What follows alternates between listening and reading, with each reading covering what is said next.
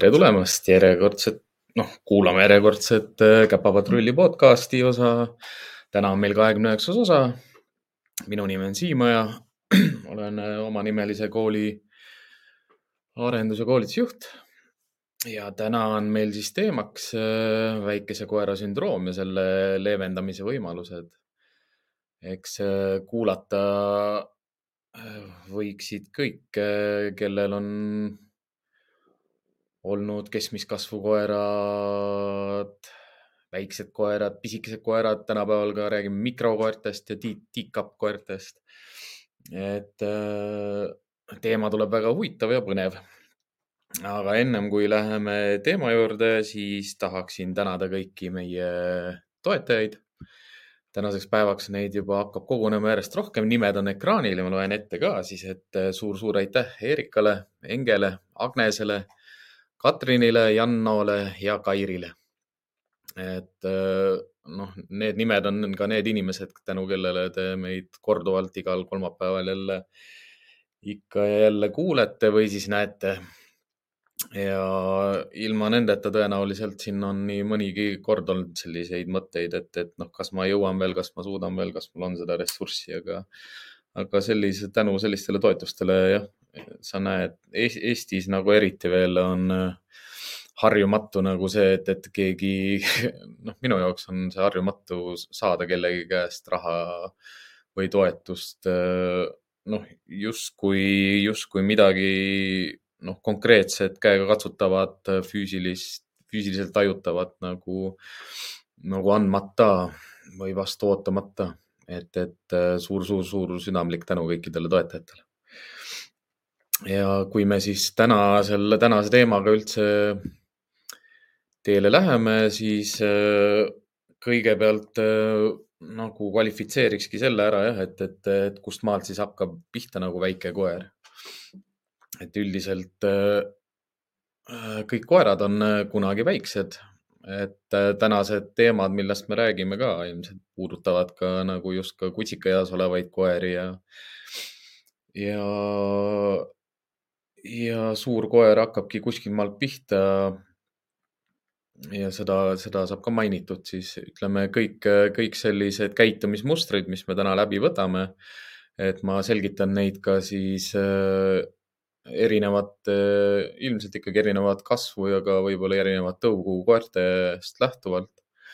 ja ka erinevast siis nii-öelda vanuselisest eh, eripärast lähtuvalt, et nagu ma juba ütlesin, kõik koerad on kunagi väiksed ja, ja tegelikult ka väike, noh, ütleme ükspuha, millise koera kutsikas võib näidata selliseid käitumismustreid juba välja saate neid ise nagu jälgida, vaadata ja siis äh, vastavad järeldused endale teha, et, et kus on midagi läinud õigesti, valesti või hästi või mitte. Äh, üldiselt jah, siis kui me räägime väikse koera sündroomist või siis small dog syndrome, mis ongi, ütleme, läänemaailmas juba on tunnustatud selline äh, teaduslik termin ja ka juba nagu diagnoos nii-öelda koera käitumisele nagu üldiselt. ehk siis, kui laialt vaadata selle koera käitumist, siis saab selle kokkuvõtvalt nimetada, et tal on väikese koera sündroom ja sündroomist tulenevad probleemid on siis üldiselt samad ja sarnased. Kõige esimene, kõige esimene leevendusmeede, millest ma räägin, on jah, on äh, väikeste koerte selline hästi kergekäeline sülle võtmine või tassimine ja, ja nende kärudesse ja kottidesse panek, mis on iseenesest nagu mugav ja hästi-hästi hea teha. ütleme, et siin tulebki ju natukene roll mängu selles ka, et, et kutsikaid me kipume tassima trepist üles, trepist alla, aitama autosse, tõstma autosse, võtma sülle, kui on noh, suurem koer tuleb päästma, aitama, abistama, tõstma noh, diivanile, voodisse. et selle tõstmisega on, on rohkem seotudki nagu kasv, kui, kui mitte nii väga nagu väike tõug, vaid lihtsalt nagu väikest kasvu koerad või veel väikest kasvu koerad et mis mis selle, mis see tõstmine nagu põhjustab või ütleme ka selline süles hoidmine, süles kandmine, sest on mugav ütleme, kui väikseid koeri palju nagu süles kanda, ütleme poodides, lähen sõbrale külla, saan tuttavaga tänaval kokku, lihtsalt lähen ühest punktist teise, et noh, et justkui saaks kiiremini või et saaks trepist ülesse kiiremini ja nii edasi. noh, seal, seal on mitu, mitu probleemi nagu, mis ta tekitab Esi,. esimene probleem, mida ma palju näen, on see, et kui koeri kantakse väiksena kutsikana üles palju või siis ka väik-, noh, kui ta jääbki eluks ajaks väikseks, noh, täiskasvanu ka veel väike. ja kui inimesed neile kogu aeg lähenevad, äh, noh, justkui head tahtes, ehk siis tahan talle pai teha, tahan teda nunnutada, tahan teda sügada otsa eest, äh, siis äh, kutsikad ja väiksed koerad ei saa kunagi valida, et kas nad põgenevad ära või nad ei, nad ei saa põgeneda või väldivad seda käitumist või ei väldi seda käitumist. mis sellest siis tekib, ongi see, et nad, nad osad käitumismustrid lihtsalt lülitavad välja et äh, klassikaline, klassikaliselt tingides on äh, koera õppimine seotud selliselt, et, et kui, kui ta mingit asja ei saa vältida ja ei saa põgeneda ja tema käitumine ei anna sellele tulemust, ehk siis tema käitumine ei muuda seda, mida ta tahab saada, siis ta lõpetab selle käitumise ära. ja, ja see on minu silmis on see koerte suhtes nagu ebaaus, sellepärast et äh, kui ta isegi nagu naturaalselt või loomulikult tahaks nagu põgeneda ja vältida mingeid suhteid, siis ta ei saa seda teha, neid äh, sunnitakse suhetesse. ta ei saa ennast loomulikult liigutada, ta ei saa põgeneda, ta ei saa vältida kontakte, ta peab olema äh, sotsiaalses suhtluses ka inimeste ja koertega, kellega ta ei taha otseselt suhelda ja ja see tekitab koertes siis osades paljudes väikestes koertes just sellist käitumist, kus nad äh, paigal olles või paigal seistes hakkavad värisema. see värin ongi just väiksemate tõugude puhul ei ole alati seotud nagu külmaga, vaid ta on seotud ka sellise asjaga nagu noh, väljalülitamisega ehk siis äh, leppimine paratamatusega. Öeldakse ka, et, et see on selline looma, looma loomulik instinkt lihtsalt nagu mängida surnut või siis jääda paigale, mitte jagada mitte mingeid signaale ega andmeid nagu vasta, noh, nii-öelda vastasele ohule või siis nagu ründ, ründele. et noh, kui, kui inimesed on töötanud äh, grooming us või veterinaari juures või noh, kasvõi oma koeral küüsi lõiganud või mida iganes ja ja, või noh, hoiad lihtsalt koera süles ja räägid tuttavaga juttu ja ta samal ajal väriseb, et noh, see on selline klassikaline tulemus, mis sellest äh, tuleb, on, on värisev käitumine ja ja ma seletangi seda tihtipeale klientidele selliselt ära, et äh, noh, koeral igas situatsioonis on alati neli valikut, et kas ta põgeneb, ründab, väldib ja alistub. ja see värin on justkui siis selline, selline just selles põgenen, väldin, põgenen, ründan valikus nagu see, kus ta viskab nagu katkine plaat ehk siis ta on kahe valiku vahel kinni või siis noh, minu puhul, minu mõiste puhul nelja, nelja valiku vahel kinni, sest tegelikult ju valikuid on koeral ju rohkem kui, kui alati kas rünnata või põgeneda, vaid ta saab ka alla anda ehk siis leppida olukorraga või siis vältida olukorda ehk siis pöörata pea ära, vältida, lihtsalt eirata seda, mis juhtub. ja, ja kui väikse koera värin ongi selline nagu nende nelja, nelja käitumismustri vahele kinni jäämine. aga noh, ilmselge märk ka stressist ja ja frustratsioonist ja märk ka sellest, et ta ei saa olla see, kes ta loomulikult on, ehk siis koeral on võetud hästi palju tema loomulikku käitumist ja tema etoloogilisi omadusi ära ja siis ta ju läheb, noh, sõna otseses mõttes läheb katki. Läheb katki ja hakkab viskama ja, ja see võib olla, tunduda nagu paratamatu ja, ja kohati nagu naljakas ja, ja kohati ka selline jututeemaks ja huvitav rääkida on ju. jah, ma tean, et mu koer väriseb, noh, et noh, midagi ei ole teha. on küll midagi teha, pange ta maha ja noh, selles mõttes laske väikestel koertel äh, kõikide maailma muredega ja probleemidega ja asjadega neli käppa maas hakkama saada. kutsikate puhul eriti oluline see, et, et isegi kui tundub, et on väga raske mingid olukorrad, siis las ta pingutab, las ta punnib, las ta üritab, las ta proovib et noh, jutt käib siin tihtipeale just nagu treppidest, trepiastmetest, treppide puhul hästi oluline meeles pidada kutsikatega see, et nad ei tohi treppidest joosta. Ei tohi treppide peal hüpata, aga nad võivad trepist käia. Nad võivad trepist käia kasvõi terve päeva oma kümme astet, aga ma võtan aega koerale, et õpetada talle seda, et jah, see võtabki aega, siin ei juhtu mitte midagi halba. ole ettevaatlik ja aeglane ja noh, siis kutsikas, tema lihased ja liigesed ja luud saavad areneda. kui te, kui te julgustate, kui te äh, toetate, kui te turvate, kui te näitate, et see ei ole ohtlik, et see on, see võib olla ka lõbus, te võite premeerida koera, väikest koera, kutsikat äh, trepiastmetel ja kindlasti ärge mängige, ärge tekitage nagu nii suurt erutust, et ta hakkabki kihutama või, või loob sellest koridorist mingi sellise keskkonna endale, kus, kus on kogu aeg lõbus ja palju erutust, et siis, siis nad ei liigu koridoris jälle rahulikult. koridoridele ja liikumisele me jõuame veel tagasi, kui me hakkame rääkima sellest, kuidas väikestele koertele meeldib ustest trügida.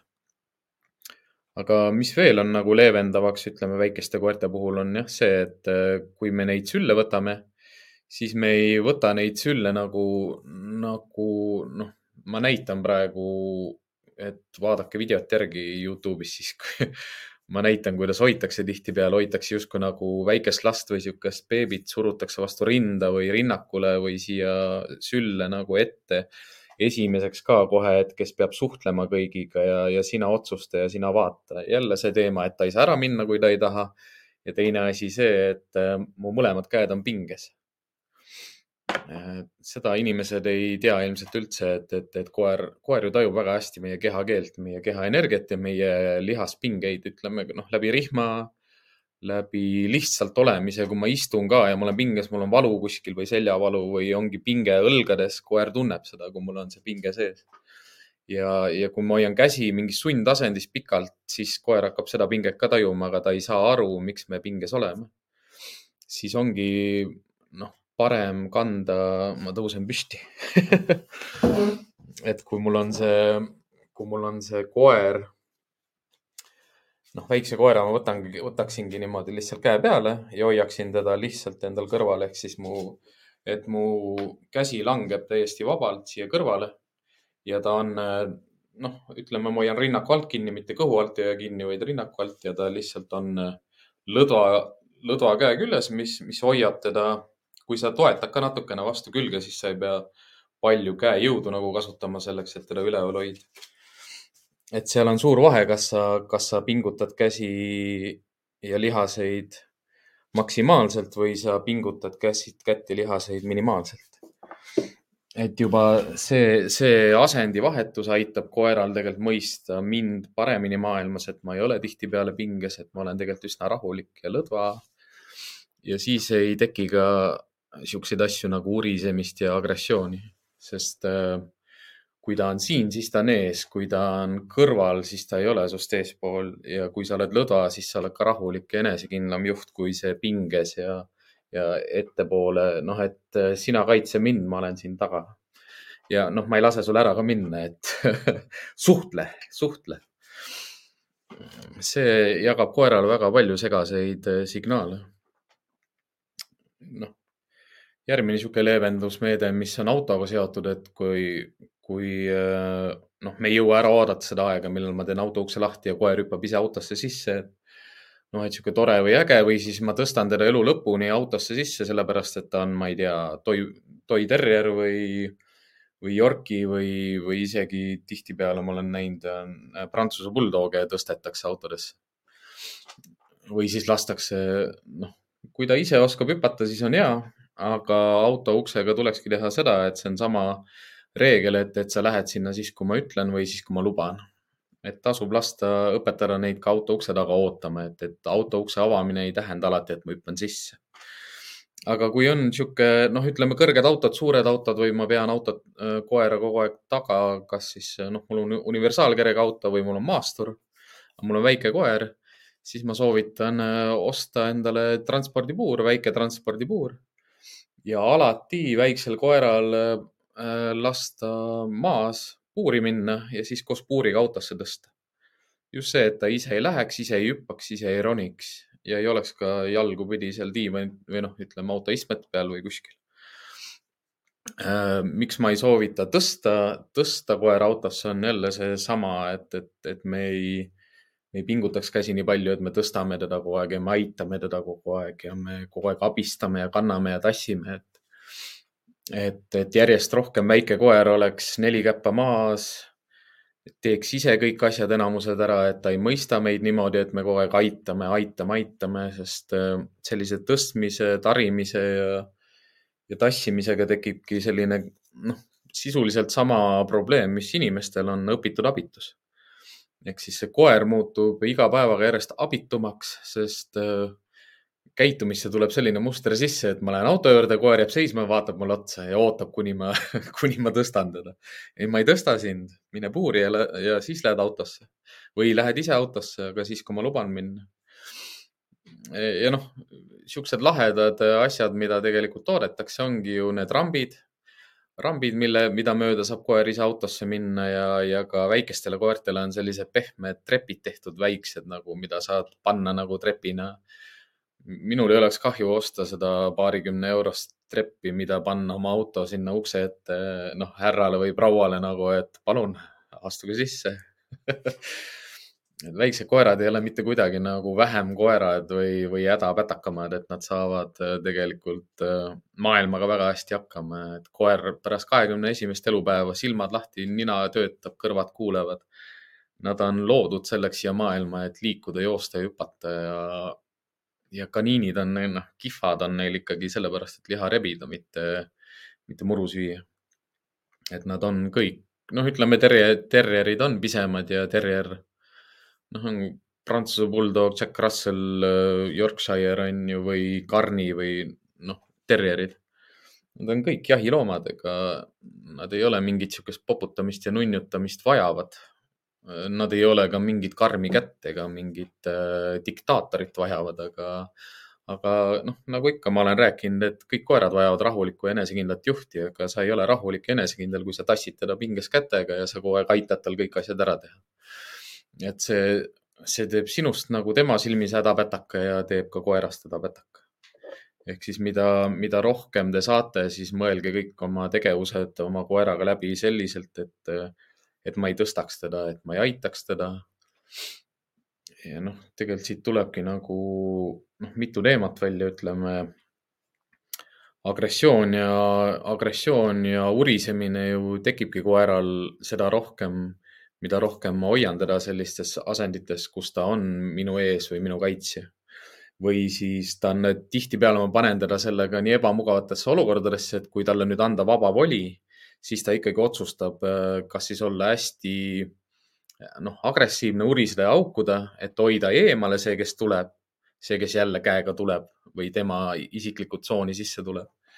Või siis äh, noh, üks variant on see, et ta lülitab välja, ta ei tee midagi, sest ta on lihtsalt nagu vege, noh nagu juurvili. ta lihtsalt väldib seda, mis praegu juhtub. noh, inimene, inimesed arvavad vist ilmselt veel sada aastat, et koertele pea peale tege-, pea peale pai tegemine on okei okay,, aga see ei ole nagu üldse mitte kuskilt otsast nagu lubatud, korrektne, e-, eetiline või, või aus koera suhtes talle, talle otse pai pea, pea peale pai teha. otse näkku minna talle ja veel eestpoolt ka. noh, eks noh, paljud koerad äh, on õppinud sellega lihtsalt ära kannatama, aga, aga ükski koer ei peaks nagu kannatama ega ka leppima alan-, alandamisega. aga noh, tulles selle juurde jah, et kui, kui väike koer on agressiivne, siis see agressioon nagu haukumine või näksamine või hammustamine on väga palju seotud sellega, et neid tassitakse, väga palju seotud sellega, et neil lubatakse enda peal olla, neid ise pannakse enda peale. Neid pannakse alati kõrgele positsioonile ja keegi ei märka ka, kui ta siin diivani ääre peal noh, pikutab kogu aeg noh, üks päev jälle tuleb äh, külaline külla ja vaatab koerale valesti otsa ja hambad on näost kinni. Või noh, mida iganes tahab pai teha, aga võtab käest kinni, sest tegelikult ta positsioneerib ennast kogu aeg kõrgele positsioonile, kus tal on äh, hea ülevaade olukorrast ja valvab seda olukorda.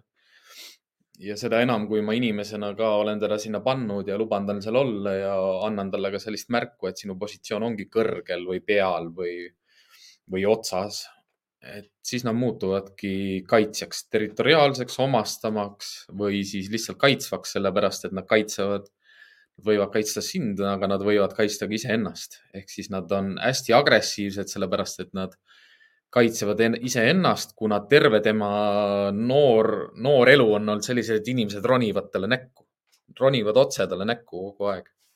ja, ja kui hoitakse kinni süles või kuskil ja ta ei saa ära põgeneda, siis ja koer jääb oma valikute peale, siis ta võib hakata urisema, haukuma ja hammustada ka. Noh, nüüd ongi see küsimus jälle, et pisikene koer, palju ta ikka kahju teeb kutsikahammustused on niisugused vastikud, neil on hästi nõelteravad hambad, noh, vana mingi Chihuahua juba noh, enam-vähem kannatab ära. aga jälle see küsimus, et noh, inimesena ka, kui ma näen selliseid asju, et ma ei, ma ei pea ju seda kannatama või noh, minul ei ole valus, aga ma saan aru, et koeral on raske ja koer ei saa aru nagu, mida ta tegema peab või miks inimesed midagi temaga teevad. Et kui seda agressiooni tahame leevendada, siis tuleb silmas pidada jah, seda, et et piirid, reeglid ja kord on koeral selge, ka väiksel koeral on äh, need selged, et kus on tema magamiskoht, kas ta võib inimese peale tulla, kui teda ei ole kutsutud. Äh, kas ta võib diivani ülemise ääre peal magada, kas ta võib aknalaua peal magada ja aknast välja vaadata ja kõikidega õiendada, kes sealt mööda lähevad. äh, et teile võib tunduda, et koerale meeldib olla diivani peal, koerale meeldib olla tugitooli seljatoe peal või nurgadiivani seljatoe peal. Teile võib tunduda, et koeral meeldib akna peal magada või rõdul või klaasiga piiratud rõdul või ma ei tea, terrassil või kus iganes ukseaugus täpselt, aga ta ei, ta ei ole seal sellepärast, et talle meeldib seal, ta on seal sellepärast, et ta valvab ta on võtnud endale sellise positsiooni, tema koht karjas, tema positsioon karjas ja sealt võib tulla ka agressiooni, mitte kohe ja mitte ka näiteks oma, noh, ma ei tea, pere naisterahva suhtes, aga pere meesterahvaste ja pere, pere laste suhtes on. sest noh, koerad võivad töötada nagu kahekesi ühe eesmärgi nimel, nad võivad töötada üksinda ühe mees, eesmärgi nimel, nad võivad töötada terve selle perekarjaga ühe eesmärgi nimel. kaitsta siis näiteks mida iganes, mis väljast tuleb ohtu ja väikeste koerte puhul on, äh, võib-olla ongi see mure rohkem see, et seda, see jääb nii palju nagu tähelepanuta. et, äh, et nad, noh, nad ei tee palju liiga, nad ei hammusta väga kõvasti, nad äh, võib-olla jah, osad neist hauguvad nagu tüütult palju ja, ja kõvasti, aga agressioon väikeste koerte puhul ongi rohkem selline hästi frust-, frustreerunud agressioon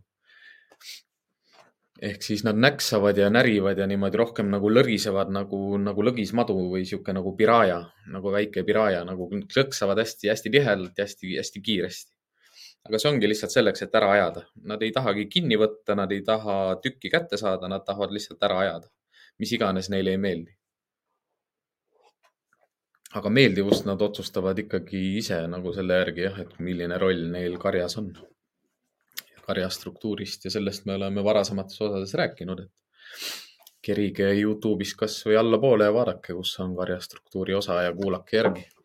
et kõik koerad selles osas töötavad ühtemoodi, aga väikeste koerte puhul ongi lihtne tegeli- või noh, vajalik märgata selliseid käitumismustreid ja need leevendusmeetmed ongi noh, palju, palju lihtsamad, ehk siis ehk siis ma ei, ma ei pane talle patja nii, et ta saab aknalaua peale ja ma ei lükka diivanit meelega lähemale, et ta saaks aknalaua peale või, või ta ei maga mul patjadel diivani peal ja ta saab sinna ainult siis, kui ma teda tõstan või, või jah, kui mina ta tõstan diivani peal, mitte et ta ise hüppab. sellistel puhkudel äh, võib, noh, võib jääda urisemist ja haukumist vähemaks ja agressiooni ka, aga tõenäoliselt ta lõplikult ei leevenda äh, seda positsiooni, mille koer on endale karjas võtnud, sest äh, ütleme, karja positsioon selgub ikkagi nagu mitmete tegevuste baasil. Äh, noh, järgmine sihuke teema jah, mida ma olen palju, millega noh, palju, mitte palju, aga millega ma olen kokku puutunud väikeste koertega on, on jah, selline asi nagu ustest trügimine. seda teevad äh, kõik koerad, kes ei tea piire aga väikse koera, väikse koera puhul on veel see, et tal on nagu nina vastu seda ust ja kohe, kui see pragu läheb, siis ta juba on ammu läinud, noh, vahest nad on viiemeetriste fleksidega, siis nad on ka pikalt ees. noh, osad väiksed koerad lähevad hästi erutunult koridori, hakkavad kohe haukuma, lõugavad, tavaliselt kui välisuks, noh, vahest on ka nii, et välisuks läheb lahti, koer tuleb eest välja, juba haugub. noh, seal ongi see seal on kaks asjaolu, millega saab leevendada. esiteks, kui õue minnakse, siis ei tehta sellest pidu ehk siis nagu lähme õue, tule siia, kus sa oled, tule. kõik see hääl ja see erutus tuleb ära jätta. kui noh, kui koeral on selline probleem, et, et ta ei suuda rahuneda, augub ja tirib rihmas palju. eriti väiksed koerad, siuksed mm, pisikesed äh, pirajad, jah et noh, nendel tulebki arvestada sellega, et ta juba toas oleks rahulik, et ta toa, et ta uksest ei trügiks, et ta trepist ei jookseks, et ta rihmas ei veaks.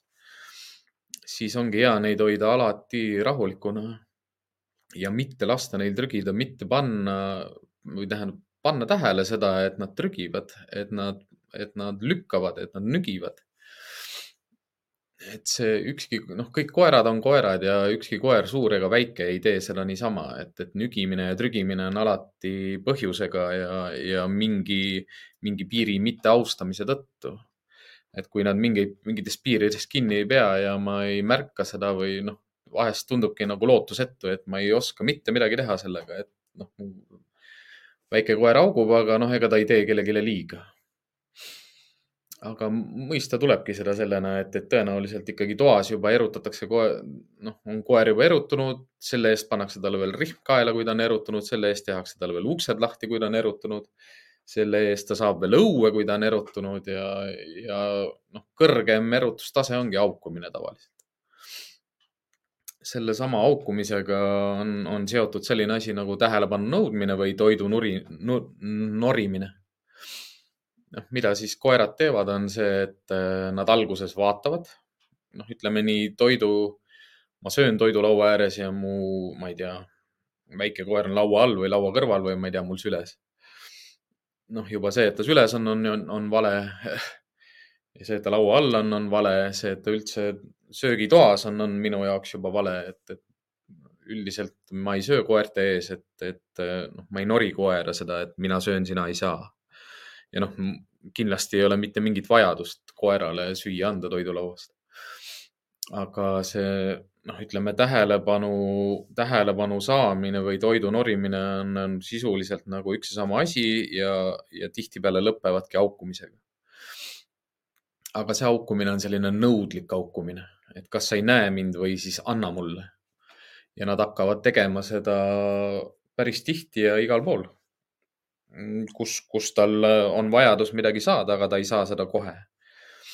kuidas see käitumine välja nagu kujuneb, ongi see, et alguses äh, koerad tavaliselt hakkavad siis pilguga jälgima seda, mida nad tahavad. kui ta pilguga jälgides ei saa seda, mida tahab, siis ta hakkab äh, niuksuma või häälitsema või kasvõi vaikselt niimoodi ja kui ta häälitsemise eest ka ikka tähelepanu ei saa või toitu, siis ta hakkab kraapima või üles hüppama. ja kui ta juba on katsunud ja ikka pole saanud, siis nad, viimane aste ongi, nad hakkavad haukuma. see, see kogu see repertuaar võib käia niimoodi kiiresti ka, et ta vaatab, niuksatab, hüppab ja haugub noh, nagu kõik nagu enam-vähem nagu sujuvalt, dünaamiliselt ühes tükis. vaatab, niuksub, hüppab ja haugub ja erutuse, noh, ütleme erutuse ast-, kõrge aste on haukumine. niuksumine oleks juba sihuke, et noh, enam-vähem. pealehüppamine on juba igatpidi nagu ületanud teatud nagu taluvuse piirid. ja lõpuks siis haukumine ongi tingitud sellest, et äh, me tihtipeale pöörame neile tähelepanu juba ennem, kui nad haukuma hakkavad, ehk siis äh, palju näeb sellist asja, et inimesed jälgivad koeri kogu aeg silmaga, kus nad on ja mida nad teevad või kui nad liiguvad. juba jagad pilgu ja siis ta vaatab sulle otsa ja siis noh, kas me võtame neid sülle või tõstame neid diivani peale või, või anname neile midagi head lihtsalt juba sellepärast, et ta lihtsalt vaatas mind kui nüüd järgmine kord ta kohe ei saa midagi selle eest, kui ta lihtsalt vaatas, siis ta hakkab häälitsema, noh, siis ma panen ta tähele, siis ma tõstan ta üles, võtan ta sülle, annan talle midagi. kui nüüd sealt jälle läheb edasi ja, ja ta jälle vaatab ja niuksatab ja ma ikka ei vaata ja ta kasvõi korraks puudutab mind või hüppab mulle vastu. ma võtan ta kohe sülle, sest ta hüppas ülesse. või, või jagan talle tähelepanu või annan talle midagi ja noh, kolmas ongi seesama, et, et ta teeb jälle oma kolm seda esimest astet ära ja neljas on haukumine, sest sest selle eest tõenäoliselt ma lõpuks saan tähelepanu.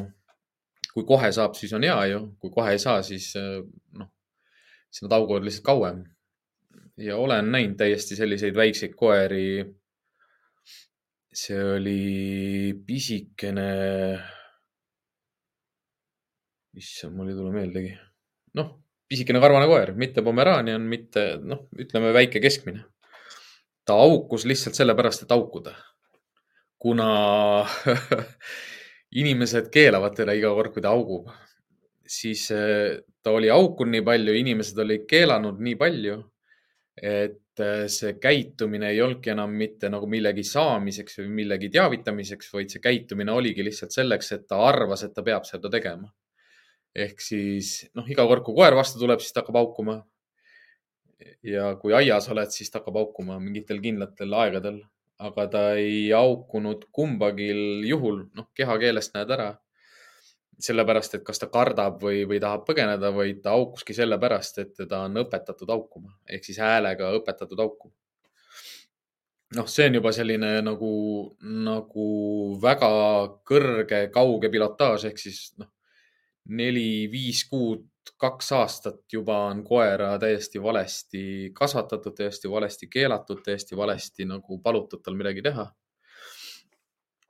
ja noh, ta tekib, tekitabki sellise olukorra, kus noh, mida saab leevendada selles mõttes, et leevendusmeede sellel ongi see ei katsu, ei räägi, ei vaata. ehk siis ükspuha, millal ta põrnitseb või mille, millal ta hakkab niuksuma või millal ta augub, ta ei saa minult tähelepanu või pre-, noh, või midagi, ma ei anna talle midagi, ma ei tõsta teda ülesse ja ma ei vaata teda, ma ei vaata talle silma. koera võib üldiselt vaadata, ehk siis vaadata lihtsalt koera kehakeelt ja kus ta liigub, aga mitte niimoodi, et ma vaatan talle otsa. noh, see otsa vaatamine ongi see, mis koerale esitab väljakutse või siis noh, annab talle selge, selge signaali sellest, et ma näen teda ja ma vaatan teda, noh, kontakt on loodud, sotsiaalne side on loodud, hakkame suhtlema. ja nüüd siit suhtlusest peab midagi tulema, noh ja siis nad jälgivad, et, et mida sa vaatad. noh, mida paljud inimesed ilmselt ei tea, on see, et, et kuida-, miks koerad meid nii hästi vaatavad, ongi sellepärast, et meil on silmavalged.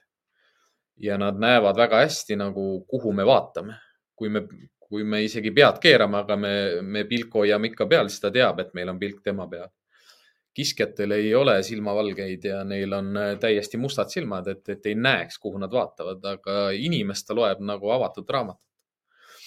et kui te tahate sellist haukumist, tähelepanu küsimist ja nurumist äh, leevendada, siis on jah, kõige lihtsam reegel on see ei katsu, ei räägi, ei vaata.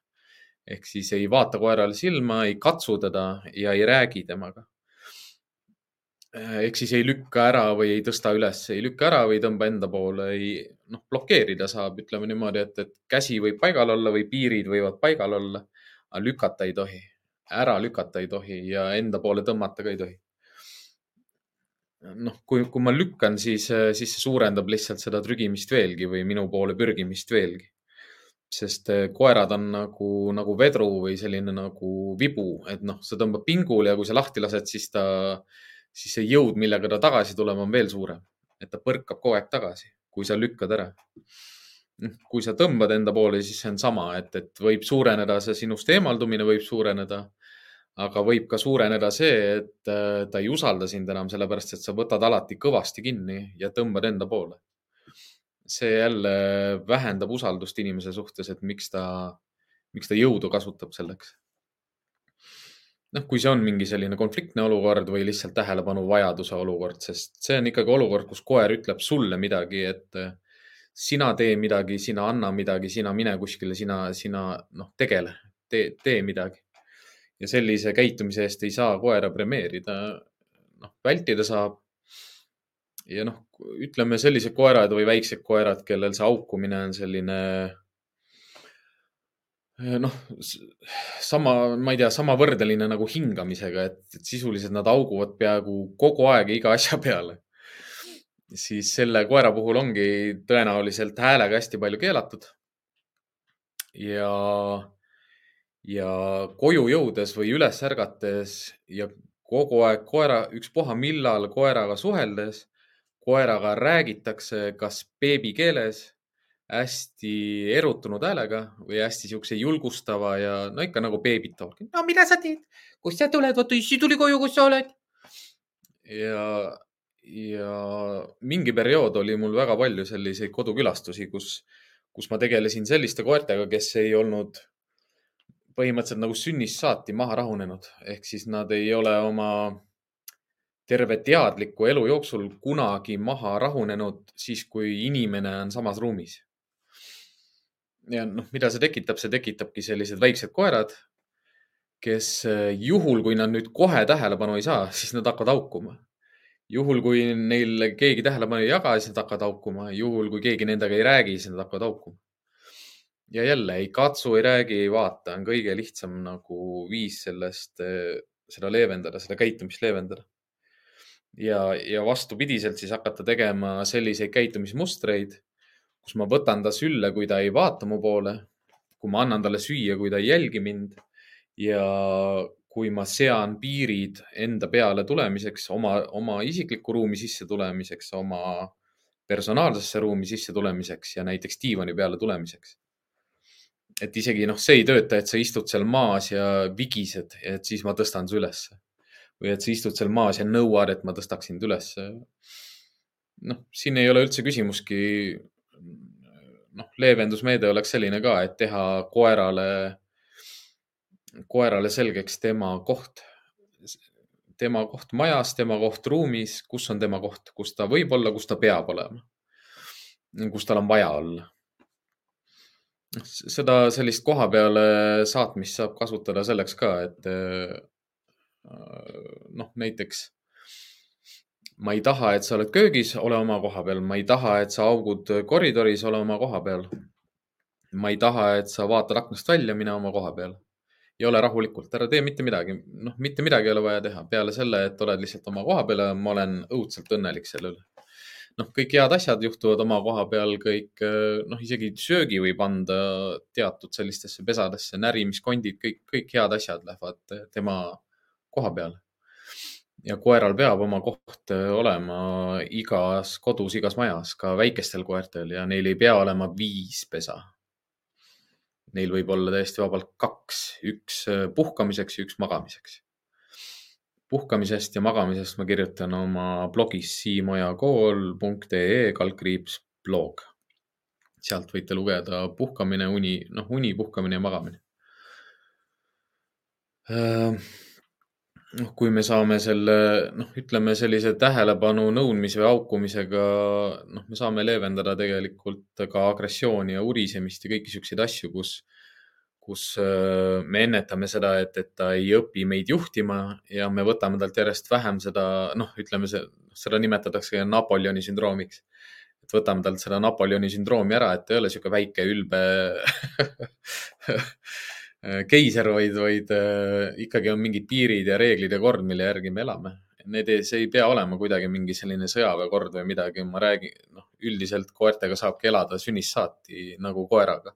et sa ei pea, noh, mis ongi hea, on see, et koer õpib terve elu ja sa võid täiesti vanale koerale hakata õpetama uusi reegleid, et äh, mul tuligi meelde praegu sellega see, kui kui ma töötasin Betcity's, siis üks äh, üheteistkümnenda klassi tüdruk tegi uurimustöö, et kas äh, väiksele koerale või tähendab vanale koerale saab uusi trikke õpetada. noh, alguses me suhtlesime lihtsalt meili teel või telefoni teel, ma ei mäletagi, kas ta ema helistas mulle või ta ise kirjutas. ja kui me kokku saime, siis see oligi pisikene Yorki issand, A-tähega oli ta nimi. Mm, siis, kui ma räägin, siis mul tuleb meelde ja nüüd, kui ma tahan öelda, siis mul ei tule meelde ja ta oli, kas ta oli neljateist või kuueteistaastane ja me õpetasime talle kahe nädalaga, noh, mitu, mitu, mitu trikki, mitu uut asja selgeks, mida ta kunagi varem teinud ei ole. istumine, juurdetulek, koha peal püsimine, üle asjade ronimine, turnimine ja ühe, ühe eseme pealt teise peale minek, noh, koha peale minek. niisuguseid asju õpetasime talle selgeks ja noh, inimesed ei uskunud, et, et esiteks noh, et vana koer et õpib midagi ja teiseks üldse, et see pisikene koer õpib midagi. et mida hästi palju näedki koolitajana on ka see, kui palju alahinnatakse väikese koera sellist intelligentsust või, või oskust või tahet nagu õppida või tööd teha. ainukesed väiksed koerad vist, kes on nagu aretusega tehtud selli-, aretatud paiksemateks ongi Pekingi paleekoer, King Charles Spaniel. Ja mops. Kõik teised koerad, noh, kui nüüd niimoodi nimetadagi kiiresti, noh, minu jaoks väiksed koerad on ka Basenjid, Akitad, äh, Jack Russellid, noh, nad on ju väiksed ja keskmised koerad on ka väiksed koerad minu jaoks. ütlemegi sellised koerad, kes on ena-, noh, ütleme kuus kuud oma, oma, oma elust äh, ikkagi tassitud, tõstetud ja kantud ja lubatud peal, peal seista inimestel et nendel on agressiooniga tõeliselt pro tõenäoliselt probleeme ja usaldamise ja sotsiaalsete suhted, suhetega probleeme, mitte ainult inimestega, vaid ka teiste koertega. ja seda rohkem, noh, mida, mida nendega on sellepärast tehtud, et ta on väike. ja mul ei tule jah üldse selle koera nimi meelde, nii kahju. aga hästi tore, tore perekond oli ja nendega ma suhtlesin ikka kaks, kaks aastat tegid mulle selliseid üllatusi ka, et kinkisid veini ja juustu ja see oli kihvt. noh, ta oligi sihuke väike, noh, see Napoleon tuligi mulle meelde, sellepärast et ta kodus äh, oli sihuke ülbik, sest ta toodi mulle sinna ka selleks, et ma peseksin ta ära, sest see ongi see, et, et sa õpetad vanale koerale uusi trikke ka ja sa õpetad talle ka seda, et kes sina oled. et et koerte puhul ei ole nii oluline see, et, et kas sa oled talle süüa andnud või kas sa oled äh, talle mänguasju andnud või kas sa oled talle head sooja turvalist pesa pakkunud, vaid koerte puhul, kõikide koerte puhul on see, et kas sa oled rahulik, enesekindel ja kas sa mõistad teda koerana. Ja kui sa mõistad koeri koerana, siis ütleme niimoodi grooming us või kliinikus või on väga lihtne nagu väikeste koertega töörata sest nad saavad väga hästi aru inimese käitumisest, tema suhtumisest ja tema mõistmisest, et kuidas ta seda väikest koera mõistab. mida temaga tehakse, mida ta teha võib ja mida ta ei või. et eh, noh, selline, sellised levinud eh, probleemid nagu väikse koera sündroomiga ongi ka selline sõna, noh, üldine sõnakuulmatus või sõnast arusaamatus või, või inimesest mitte arusaamine ja osade koerte puhul ka see, et äh, noh, ütleme jah, püsiks võib-olla selle arusaam-, saamise ja arusaamatuse juures, et, et seal ongi nagu minu jaoks nagu kolm sellist nagu pügalat, et, et üks asi on see treening, mida me teeme või ei tee, kuna noh, ta on pisikene. väike koer on ju, mida ta ikka peab oskama, ei peagi midagi ostma, ma tõstan teda ja ma kogu aeg aitan teda ja ma kogu aeg annan talle kõik asjad, mis tal vaja on ja noh, tal ei ole millegist puudust, et võib-olla treenin natuke mingeid trikke, aga jään kogu aeg sinna toitu kinni ja elu lõpuni kasutan treeningul toitu ja ei ole koerale suutnud midagi selgeks teha. kasvõi sellepärast ka, et, et mul endal ei ole nagu kõrgeid ootusid talle, et, et ta saab midagi aru, aga spitsid, terjerid, need õpivad nagu lepase reega, sa pead lihtsalt teada saama, mis neid motiveerib. ütleme jah, et Akitad ja, ja Basenjid ei ole selline tõug, et kellele sa ulmetrikke õpid, aga sellised baasoskused nad saavad kõik äh, selgeks väga, väga kenasti. noh, välja arvatud juurdekutsumise võib-olla noh, väikestele koertele kõikidele tegelikult ütleme siia käsklus ja selline juurdekutsumine ma ei tõmbaks mitte mingeid erinevusi nagu ühegi teise, kas siis suurema koeraga või, või mida iganes. et väikseid koeri on minu, minu silmis ka nagu lihtsam koolitada, sellepärast et äh, siis nad on väiksed, kõik treeningvahendid peavad olema väiksemad, toidukogused on väiksemad, preemiatoitu ei ole vaja nii, nii, nii palju. mänguasjad on väiksed ja siis isegi kui sa ehitad neile neid takistusradasid või siukseid jah, noh, ütlemegi, mulle meeldib väikestele koertele takistusradasid ehitada, sest see takistusrada tõstab nende enesekindlust hästi palju.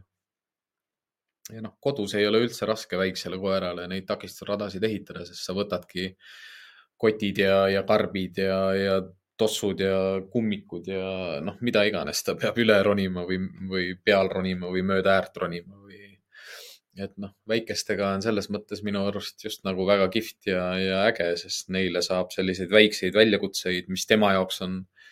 noh, sina ehitad siukse lihtsa raja enda arust, aga tema jaoks on see suur väljakutse, sest ta on pisikene.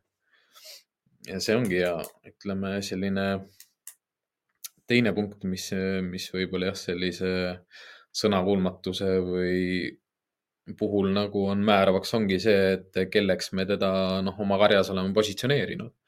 et kõik need pisikesed koerad, kellel on see Napoleoni sündroom, noh, nad ei pea kuulama sind, nad ei pea su sõna kuulama, sa ei ole väärt ka kuulmist niikuinii. ma ei pea sinuga koos olema, ma ei pea sinu järgi käima, ma ei pea sinu, sinu taktikepi järgi käima, sina käid minuga takti, taktikepi järgi. et ja noh, noh selle, sellesama paralleelselt ongi seal kõrval on see, et, et aga noh, üldiselt see mind ei sega ka ja ma saan kõik asjad tehtud, et kui vaja, siis lõikame küüned ära ja kui vaja, siis peseme puhtaks ka. Ja kui vaja, siis kammime ja, ja nii edasi, nii edasi. osasid asju talub, osasid asju ei talu, aga noh, ta ise valib, mida ta talub ja mida ta ei talu mm noh, sihuke kolmandast aspektist ma ilmselt juba põgusalt nagu rääkisin ka jah, et.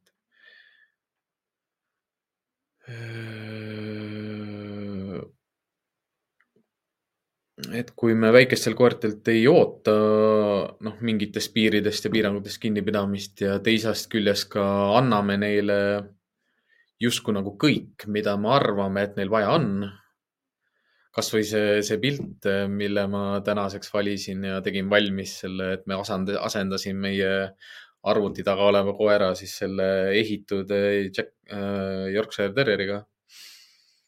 et noh, neid pannakse riidesse ja neid pannakse kärudesse ja neil on, hotellist on ka siuksed head mälestused. Eh, jälle nimed ei tule meelde. Blondi. noh, sihuke pisikene pisikene Chihuahua, kelle ankeeti on kirjutatud, et temaga ei pea jalutamas käima. ja põhjus oli üldiselt see jah, et, et tema sinna aedikusse ei saanud või noh, see ruum, kus ta oli, sinna ei saanud minna, sest ta kohe hakkas haukuma, urisema, aga ta noh, see, see koht, kus ta nagu urises või haukus, oli see tema kott. ta oli oma nahkkotis. see oli ka enam-vähem mingi Armani kott ja noh, trikk seal ongi see, et, et, et teed blondi luku lahti ja kallutate sellest kotist välja ja võtad talt koti ära. ilma kotita on blondi on mitte keegi, aga kui blondil on kott, siis ta on kõva mutt. Aga noh, ta ei no,, ükski koer ei ole ju pahatahtlik või agressi-, agressiivne või paha nagu. ja noh, ongi see, et hommikul jälle lähed, teed, teed tal selle luku lahti, kallad ta sealt kotist välja, paned koti ääre peale ära paned talle rihma kaela ja siis lähed kuue koeraga jalutama. blondi ei haugu kellegi peale, koer, blondi ei ole agressiivne, mitte midagi, saab selle kotti tagasi ja jälle agressiivne. aga see ongi jälle noh, õpetatud või õpitud käitumine, et, et jälle see küsimus selles, et kas ma hoian neid kinni või ta on mul kotis kinni.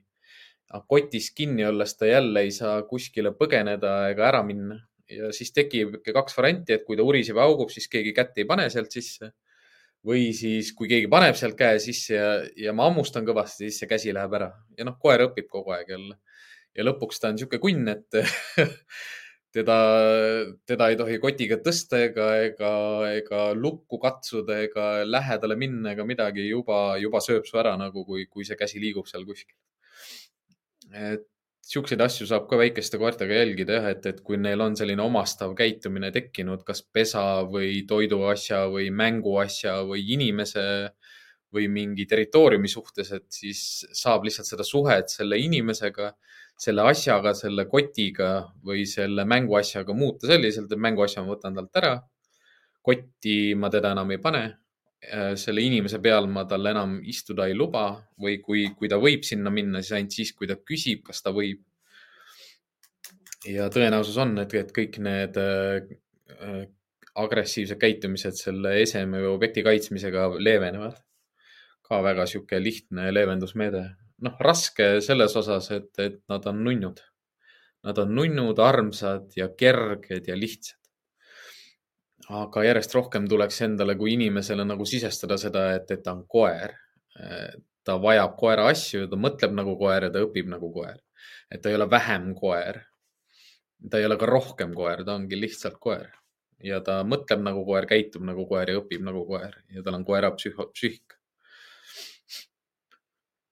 ja noh, viimane selline mm, teema jah, mis oli ka nagu hotellis hästi prevaleeriv ja, ja, ja nüüd viimane siin. see, see rihm ongi seesama rihm, mis oli, mis oli Biancal siis neli päeva kaelas. siis, kui ta meil kadunud oli ja sellesama rihmaga ta jäi, jäi sinna puuhunniku taha lõpuks kinni, kus ta häält tegi ja kui, kui ta leiti, siis tal oli see rihm veel kaelas ja mis ongi pull, on see, see osa, mis tal ümber kaela oli. noh, ma ei tea, kas kaamerast praegu niimoodi paistab, aga võib-olla hästi kergelt. ehk siis see, mis tal kaela ümber oli, see oli puhas, aga see, mis tuli järgi, see ei olnud nii puhas. noh, tuletab mulle meelde alati, kui ma vaatan seda. noh, rihm on üldiselt hea, et seda saab lihtsalt seebiga, seebi ja veega pesta, aga ma ei ole seda veel pesnud lihtsalt osaliselt selleks ka, et sellel on mõnus selline koeralõhn juures ja see tuletab mulle meelde teatud asju. aga ütleme, Biancaga ma sain ka kokku sellepärast, et ta ei jalutanud rihmas. noh, ütleme, et, et tema puhul oli see selline juba nagu kaugele arenenud öö, käitumisprobleem või käitumismure.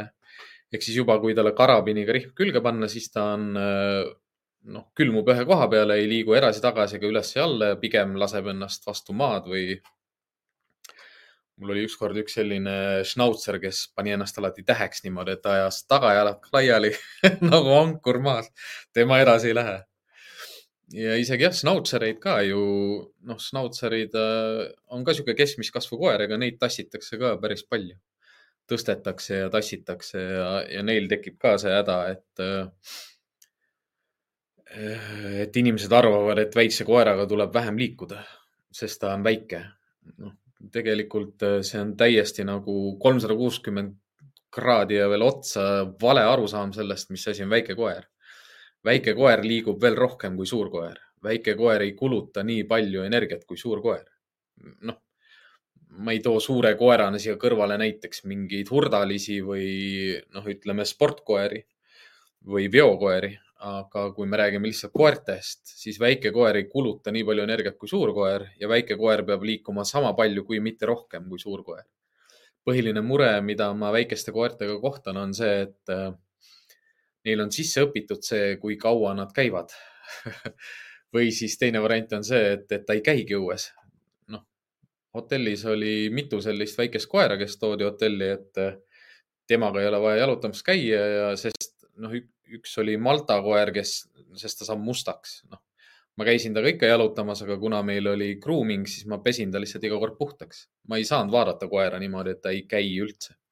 ja talle meeldis väga, noh, ta vaatas niimoodi kõõrdi, sest noh väikse, väikeste, väikeste koerte aretus on ju selline, et nende pead lähevad järjest väiksemaks ja siis neil ei mahu keeled suhu ära ja siis silmad tulevad niimoodi külje peale noh, ikka naljakas ja, ja, ja teisalt nagu kurb ja, ja traagiline, aga samas, kui see koer ise on rõõmus ja, ja sihuke lõbus sell ja hea temperamendiga, siis ta jääb ju sulle meelde ja, ja ta oligi sihuke mammon. ta ei olnudki vist Malta koer, ta oli mingi mammon või mingi sihuke, ma ei tea, jaapanlaste koer, sihuke pisikene valge, hästi Malta koera sarnane, aga veel pisem ja tal oli ankeeti kirjutatud jah, et temaga ei pea jalutamas käima et noh, jaapanlaste koer, ma ise naljatasin ka niimoodi, et nagu pansai puu, et, et ainult püga ja, ja, ja lihtsalt istub seal kuskil potis temaga oligi see, et temaga oli veel see, et kui ta oli meil hotellis, siis ta jalutas koos minuga kõikide teiste koertega. ehk siis noh, kui hotellis on kaksteist boksi ja kõik boksid on täis, siis sa võtad niimoodi, noh, mina võtsin nelja või kuue kaupa koeri ja ma tegin selliseid kahe või kolmetunniseid jalutuskäike ja siis see mammon oli minuga alati kaasas kõikide jalutuskäikudega. ja, ja selle päeva lõpuks ta ka ei olnud väsinud.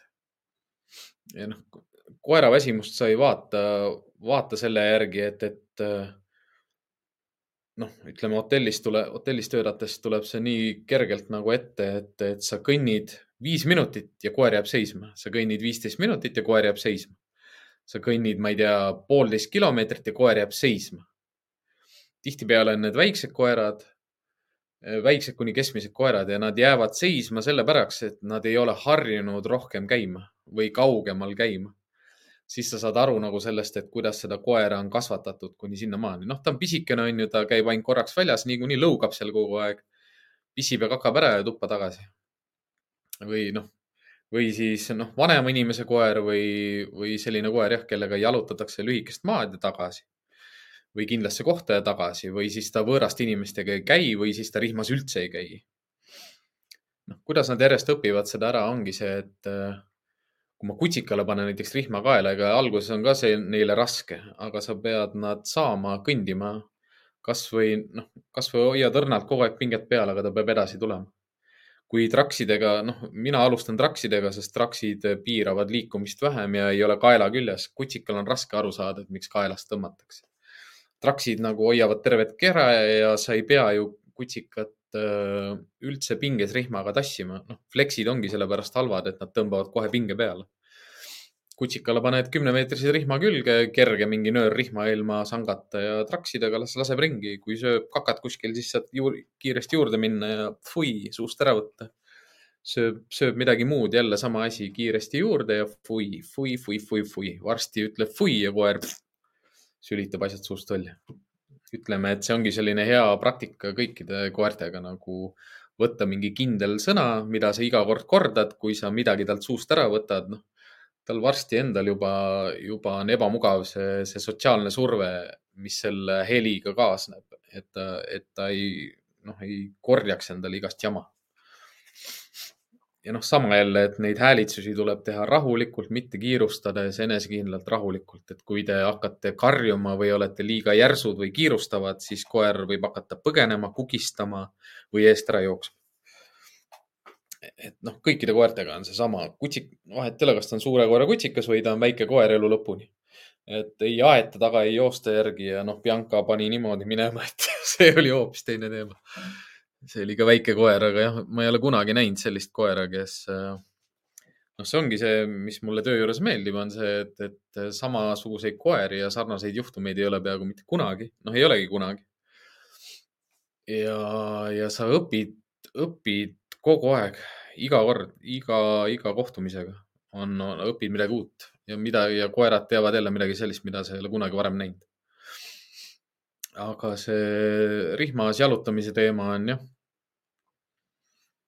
mm, lihtne loogika on seal sees, et äh, neid koeri, kes jäävad nagu seisma või pidurdavad või juhivad jalutuskäiku, seda ei saa, sellest ei saa lahti niimoodi, et ma meelitan teda toiduga edasi või ma, või ma meelitan teda häälega edasi või julgustades edasi. Äh, sest kui me, kui me toiduga meelitame edasi, siis ta liigub siis, kui meil on toitu, kui meil toitu ei ole, siis ta jälle ei liigu. kui ma meelitan teda või mul on kindel kehakeel, siis ma reeglina olen näoga nende poole, siis ta ei liigu jälle minuga koos, kui ma näo ära keeran tema poolt. et harjutada tulebki seda niimoodi, et rihmas on äh, lihtsalt noh, õrn, mina tavaliselt hoian kahe sõrmega, sellepärast ka, sellepärast ka see Bianca siit ära läks, et ma hoidsingi samamoodi kahe sõrmega kinni ja see rihm tuli lihtsalt siit, siit sõrmede vahelt ära. et sa ei pea kõvasti kinni hoidma, aga sa pead kinni hoidma, noh, järgmine kord ma tean, ma panen topeltrihma või midagi et isegi kui ta läheb siit sõrmede vahelt ära, et siis on teine rihm veel nagu back-up. Aga mõte ongi selles, et sa hoiad lihtsalt pinget peal ja näitad kehakeelega, et kus suunas sa lähed. pilk ette, õlad taha, rind ette ja ma lähen sinna ja sina tuled. pean jälle püsti, püsti tõusma. noh, ma hoiaksingi kätt lihtsalt, lihtsalt kõrval, pinget peal, mitte üleval kätt, vaid lihtsalt kõrval, lõdvalt kõrval ja, ja sellises suunas, kuhu me läheme ja lihtsalt suund on kogu aeg otse sinnapoole, kuhu me hakkame liikuma. Ja ma hoiangi seda pinget peal. osade koertega saab teha veel niimoodi, et sa käid tast korduvalt mööda. ja kui sa mööda käid, siis ta lihtsalt ise tõuseb püsti ja hakkab kaasa tulema, sest koerad on karjaloomad ja nad ei saa paigal, noh, ütleme, see on selline reaktsioon lihtsalt, et kui liigutakse, siis ma liigun ka see võib aidata inimeste eest ära minna, aitab, sa võid rihma lahti lasta ja ees ära minna. kui see ei ole, noh, ütleme hotellis ongi see, et ükski nendest koertest ei ole minu isiklik koer. Et ma ei lase teda lahti ja ma ei lähe lihtsalt ära, noh, tõenäoliselt ta mulle tahab järgi tulla, on nagu kaduvväike. siis mul tulebki alati üks see šnautser meelde, kellega ma jalutasin, noh, Rannamõisa Petsiti, kui keegi teab, siis ma jalutasin sealt Rannamõisast äh, kergliiklusteele esimene tänav paremale ja sinna tänavasse ma sain kuskil kakskümmend meetrit sisse käia ja see koer viskas noh, ankruks maha ära ja enam edasi ei tule. Äh, ma seisin seal ühe koha peal selle koeraga nelikümmend viis minutit. ja siis ta lõpuks hakkas jalutama ja jalutas veel kaks tundi. et see, see, kui kaua te peate ootama või kaua te midagi peate tegema või, või teda me, noh, nii-öelda nagu mõjutama edasi liikuma, sest teie juhite jalutuskäiku ja te teate, kuhu te lähete. see sõltubki sellest, kui kõva see koer on, noh, kui, kui jonnakas ta on või kui kaua ta on saanud seda teha. noh, see Schnauzer oli mingi nelja või võib-olla isegi seitsmeaastane ära hellitatud Napoleon noh, tema pani, tema pani ikka nagu kõik välja, mis tal oli, noh, kui ta on elu jooksul õppinud ära nagu ootama millegi nimel, mida ta tahab ootama, siis nad jõuavad oodata väga, väga, väga, väga, väga, väga, väga kaua. ja koert, osade koerte sellist tahet ja noh, see on, see on imeks pandav ja see on, see on imetletav nagu inimese seisukohast, sest see võib osaliselt nagu tunduda nagu jonnakus, aga teisest küljest on see tegelikult kannatlikkus ja, ja selline järjepidevus ja kui sul on äh, ei, see Schnauzer oli super äge nagu selles mõttes, ega ta ei vedanud rihmas ega mitte midagi, ta käis ilusti kaasa ja. jah, osasid asju ma ilmselt ei saa rääkida, noh, töösuhe on lõppenud tegelikult, ega. Petsiti koerad, kui ma seal hotellis töötasin, siis ma metsas ikka lasin nad nagu vabalt jooksma. aga oligi noh, jälle see reegel, mida ma vabalt jooksmise puhul alati kolm reeglit, millest tuleb kinni pidada esiteks see, et ta ei vea sind sinna metsa ja ta ei käi su ees, vaid käib su kõrval või taga. Äh, allub äh, käsklustele ja korraldustele, kaasa arvatud rihmapingele. kui ta juba rihmapingele allub ja tänu sellele parandab oma käitumist, siis võib ta, nad juba lahti lasta ja kolmas ongi äh, see, et nad tulevad su juurde, kui sa kutsud.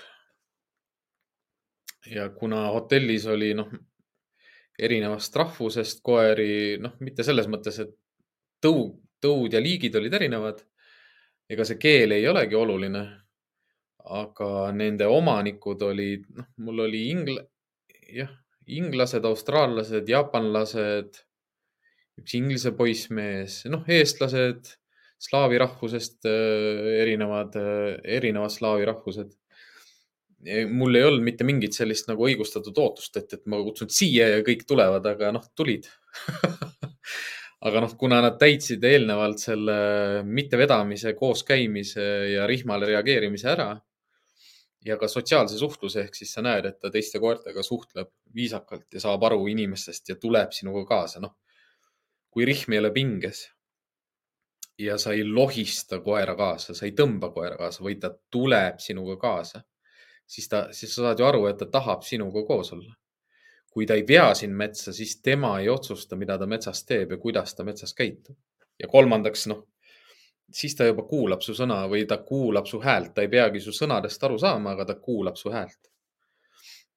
ja noh, ütleme hotellis töötates on natukene lihtsam, sellepärast et sa võid äh, sa võid nagu punktist üks hakata temaga suhtlema niimoodi, et mina juhin sind, mitte sina ei juhi mind aga ma ei ole, ma ei ole mitte kuidagi paha ega, ega, ega noh, ma ei tee haiget, ma ei kiusa sind ja ma ei solva sind ja ma ei ole sinu suhtes ebaaus.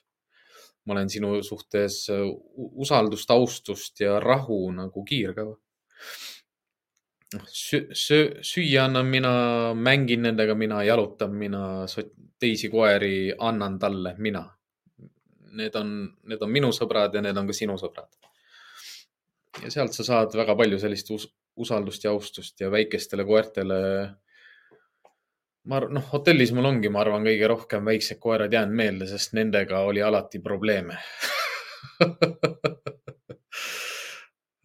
jah, sealt ilmselt ka see kogu see teema sai nagu rohkem sellist tuult tiibarisse ja et, et see on see asi, mida ma teen ja mida on vaja maailmas teha endal ka plaan võtta, kui ma üldse koera võtan, siis järgmise koera võtan endale väikse koera, et noh, ma saan, ma saan tema abil ka Eesti ühiskonnale palju sellist äh, head tava ja näiteid tuua, et kuidas väikest koera kasvatada ja sellest saaks palju nagu videosid purki panna. aga sellised jah, põhilisemad ja suuremad mured väikeste koerte sündroomi puhul ongi jah, selline üldlevinud agressioon, urisemine, haukumine, hüppamine üle inimeste, jooksmine, inimestest üldse mitte lugupidamine, mitte sõna kuulamine, mitte käsklustele allumine norimine, toidu norimine, tähelepanu nõudmine ja üldine selline ülbitsemine ehk siis noh, nagu nõudmine, õiendamine, ülbitsemine. Ja noh, võib olla ka selliseid pisemaid, rahulikumaid koeri, aga nende puhul tulebki arvestada seda, et nende käitumised, paljud on välja surnud lihtsalt. sest neid kantakse kotis või süles kogu aeg ja nad ei käitu enam nagu koerad mis ongi kihvt, on see, et, et, et ka vanematele koertele saab tuletada meelde, et nad on koerad. noh, hotellis ka väga palju oli selliseid koeri, kes tulid sinna nagu noh, et nagu mis mõttes, miks ma siin olen ja, ja miks ma käima pean ja miks, miks sina ei ole selline inimene nagu teised on ja kui nad lõpuks noh, nagu see klõps käib ära, kui noh, seda peab iga inimene ise koguma, kogema, et kui koer on täiesti katki ja see klõps käib ära ja ta saab tagasi koeraks ehk siis see inimlikustamine ja inimese tahte pealesurumine võetakse talt ära. ta saab etoloogiliselt olla see, kes ta on. Kui see klõps käib ära, siis nad muutuvad teistmoodi rõõmsaks ja teistmoodi lõbusaks ja teistmoodi erutunuks. Nad, nad ei ole nagu ebaviisakad, nad on ausad, nad on sotsiaalsed, nad on head suhtlejad ja, ja nad tulevad sinu juurde sellise teistsuguse kehakeelega ja teistsuguse pilguga noh, tihtipeale ka nad lähenevad nagu külg ees, sest nad austavad ja usaldavad sind nii palju, aga nad tahavad oma kehakeelega näidata, kui väga sa neile meeldid. ja see ei ole niimoodi, et ta hüppab mulle peale ja lakub mu nägu, vaid ta näitab seda, nad saavad seda ka kaugemalt näidata. et äh, ärge unustage jah, et, et väiksed koerad on ka täpselt sama palju koerad kui Äh, kõik teised koerad, noh nagu, nagu koerad maailmas. Suvi on käes, suvevaheajale meie ei lähe. Äh, minu kolleegid on ka nüüd puhkustelt ja maailmareisidelt tagasi jõudnud, et ma kindlasti hakkan ka nendega nüüd tihedamalt ja koostöisemalt suhtlema.